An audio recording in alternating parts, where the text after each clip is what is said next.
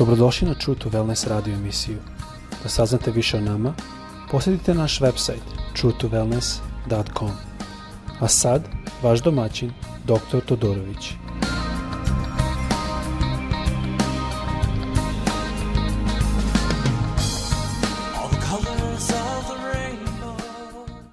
Ljubezni, dobrodošli na ovaj podcast.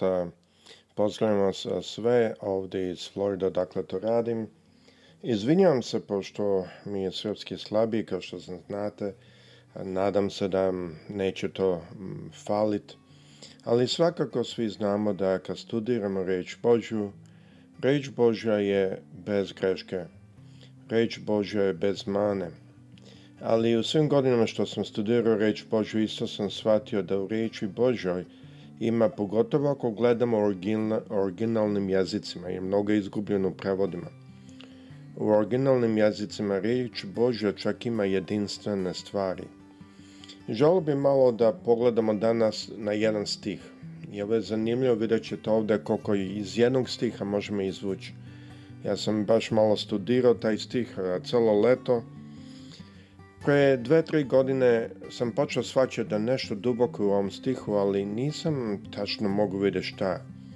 Mnogo puta nam gospodine pokaže odmah šta je sve u stihu. Mnogo puta moramo čekati, mnogo puta moramo moliti, razmišljati. A od stiha o kome govorimo u drugoj poslanici Timoteju, prva glava, sedmi stih. E sada ovaj srpski prevod ovako kaže. Doista, Bog nam nije dao duha bojažljivosti, nego jakosti, ljubavi i razbirotosti. E sad kad sam to čitao, našao sam da je to prilično drugčije na engleskom. Na engleskom ja znam od napamet, ali ako prevodimo ovako ću reći Bog nam nije dao duha straha, nego sile, ljubavi i čistog razuma. Ja sam počeo malo da studiram ove stihove, e, više stvari me ovdje zanimalo. Zašto kaže ne strah, nego a, sila, da kažemo s engleskog, ljubav i čist razum.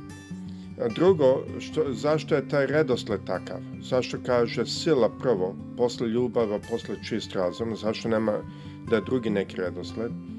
Jer našao sam da mnogo puta u Reči Božjoj ima puno tajni ako samo obratimo pažnju malo. I mogu vam reći da dok sam ispitivao ovo, mislim da negdje oko 5-6 stranica sam ispisao dok sam učio ovo svega što sam naišao. Tako da mislim da ćemo e, više epizoda morati dati ovome. prvo želo bi da pogledam šta to znači strah. Onda želo bi da pogledam šta kaže kada kaže nije nam dao duha straha nego sile. Šta znači sila? onda ljubav. Šta znači ljubav i zašto ljubav posle sile ne prije? I onda čisti razum i to je jedna zanimljiva stvar što kad sam počeo gledati u grčkom, našao sam da je tu malo dručiji prevod. I šta to znači? Na grčkom u stvari prevod kaže oslobođeni razum. Zanimljivo da je to malo dručije. Tako da ajdemo malo početi prvo gledati šta to znači strah. Ajmo malo da prvo pogledamo na situaciju ovdje o kojoj se radi. Paul je sedao u zatvoru znamo po četvrtoj glavi u ovoj istoj knjizi da kaže ja sam spreman i kruna je moja spremna. I tu znamo da u sedmom stihu da on vrlo jasno govori da treba da ide kući, kod gospoda. U šestom stihu Paul kaže vrlo jasno Doista ja već žrtvujem i približilo se vreme mom odlasku. Dobar sam boj vojavao trku dovršio, veru očuvao. I ovdje vidimo da on se sprema da ide kod svog gospoda, jer on je bio osuđen na smrt, ali zato što rimski državljanin on nije bio razapet, nego je bila me glava sasečena. E sada ne ulazimo to, ali on je govorio svom mladom učeniku. E, Čovjeku koji je bio mlad, koji je vrlo pažljivo pazio i zaista je bio prodan za evanđelje, bio je predan evanđelju potpuno. E, Timotej je bio poznat kao jedan sluga Boži koji, je jako je bio mlad, e, bio jako predan e, Božem radu, evanđelju i gospodu samom. I to možemo vidjeti u više navrata kad mu je pisao Paul e sada ovdje vidimo što on njemu piše. Znači oni su bili u situaciji da je sada Naro, Naron a, upravlja sa rimskim carstvom.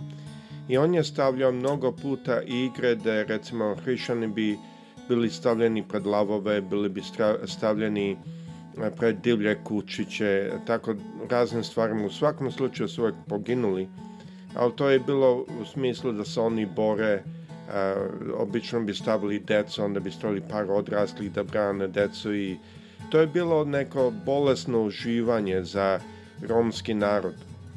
Ali kao što vidite sa strane Hrišana, to je bilo prilično teška situacija. Bilo je prilično razloga za strah. Bilo ko od njih samo zato što su Hrišani, mogli su lako da završe pred labovima, lako da budu ubijeni. Znači, to je pozadina u kojoj je ovo bilo pisano. Hrišani su većinom bili proganjani, živjeli su u strahu i donekle to nije tako različito, mada je druga e, situacija, recimo danas sa covidom, što mnogi ljudi žive u strahu. Nema progonstva hrišćana, ne u Srbiji, ne u Americi, ali ja sam bio u zemljama da ima. Ja znam isto za zemlje pratim situacije, barem dve zemlje, gde ako znaju da si hrišćanin, bit ćeš odmah ubijen na licu mesta. A jedna od tih je Severna Koreja, a druga je Afganistan. I e, ima još drugih. Tako da ja pratim i te situacije. Sam sam bio preko 40 zamalja i bio sam u zemljama gde hrišćanstvo je progonjeno. E, tako da mislim sa te strane moramo znati da to dan, danas isto važi, ali ne važi u zemljama da većinu slušalca slušaju ovaj podcast. Ali šta je bilo bitno ovdje da znamo da u vrijeme kad je ovo bilo pisano, bilo je razlog za strah. Bilo je razlog da se plaše. Bilo je sasvim prirodno, pa ljudi te gone, pa kako ne bi se plašio. Ali, vrlo jasno, apostol Paul kaže da nam Bog nije dao duha straha, tako kaže na engleskom, nego sile, ljubavi i čistog razmišljanja. Znači, šta je strah? Mi imamo više načina u Bibliji da vidimo da reč strah se pojavlja neki put na dobro, neki put na loše.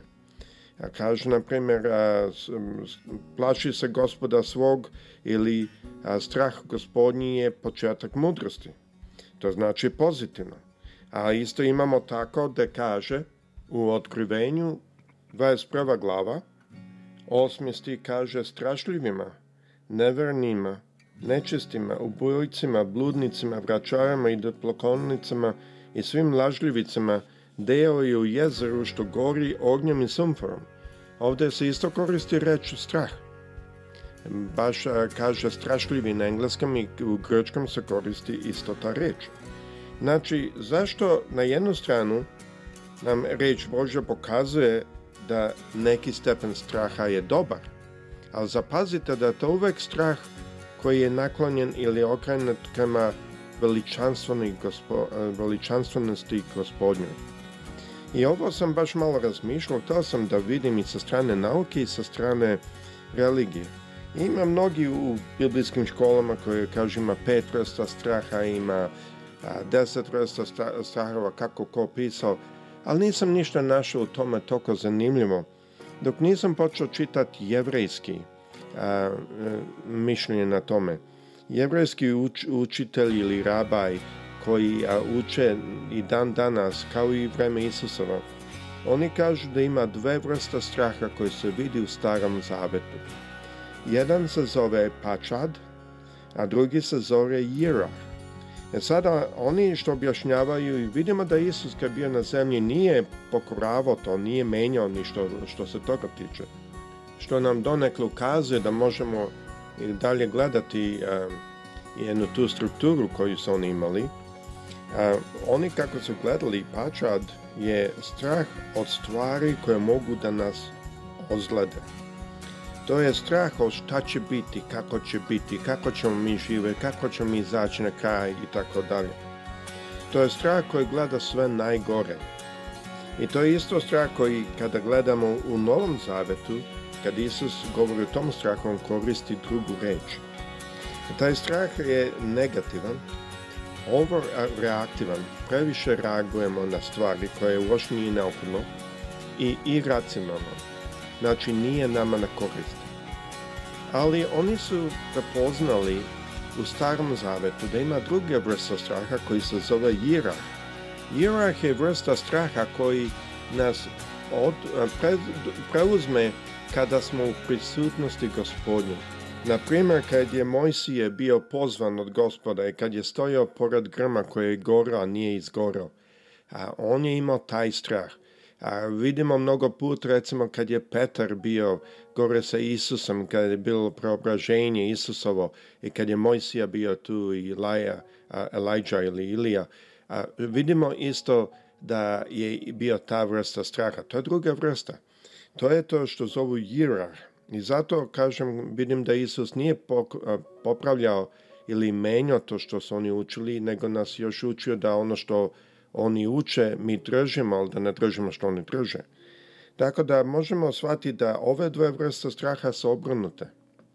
Znači, jedno je jirah, jedno je paša. Jedno je strah o meni, a jedno je strah zato što sam u veličanstvenosti, u prisutnosti veličanstva.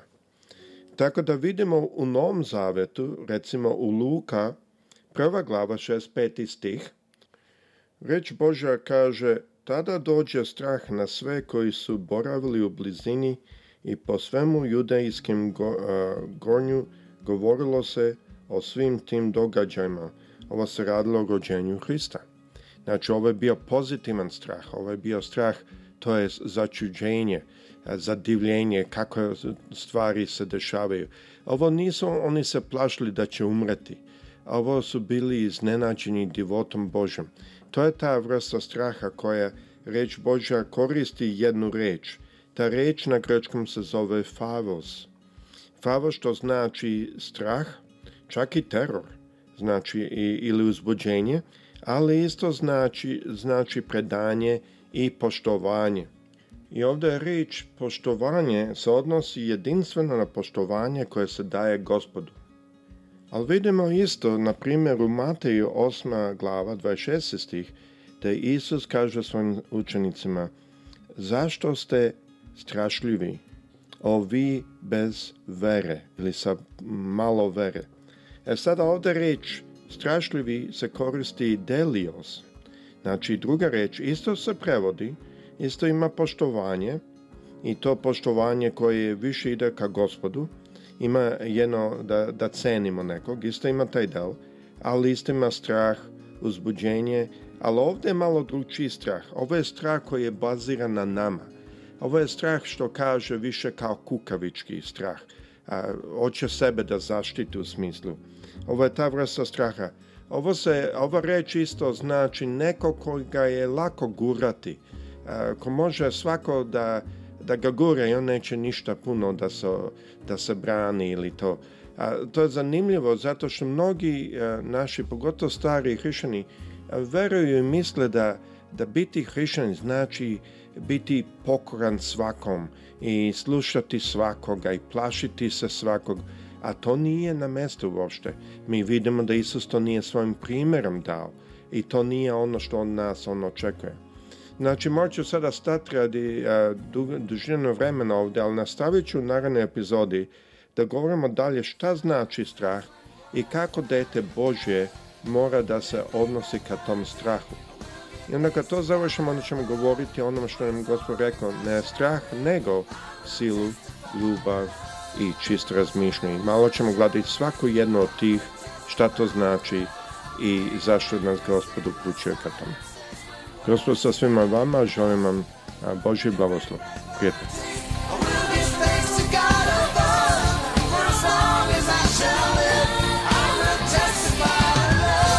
Slušajte True to Wellness radio emisiju.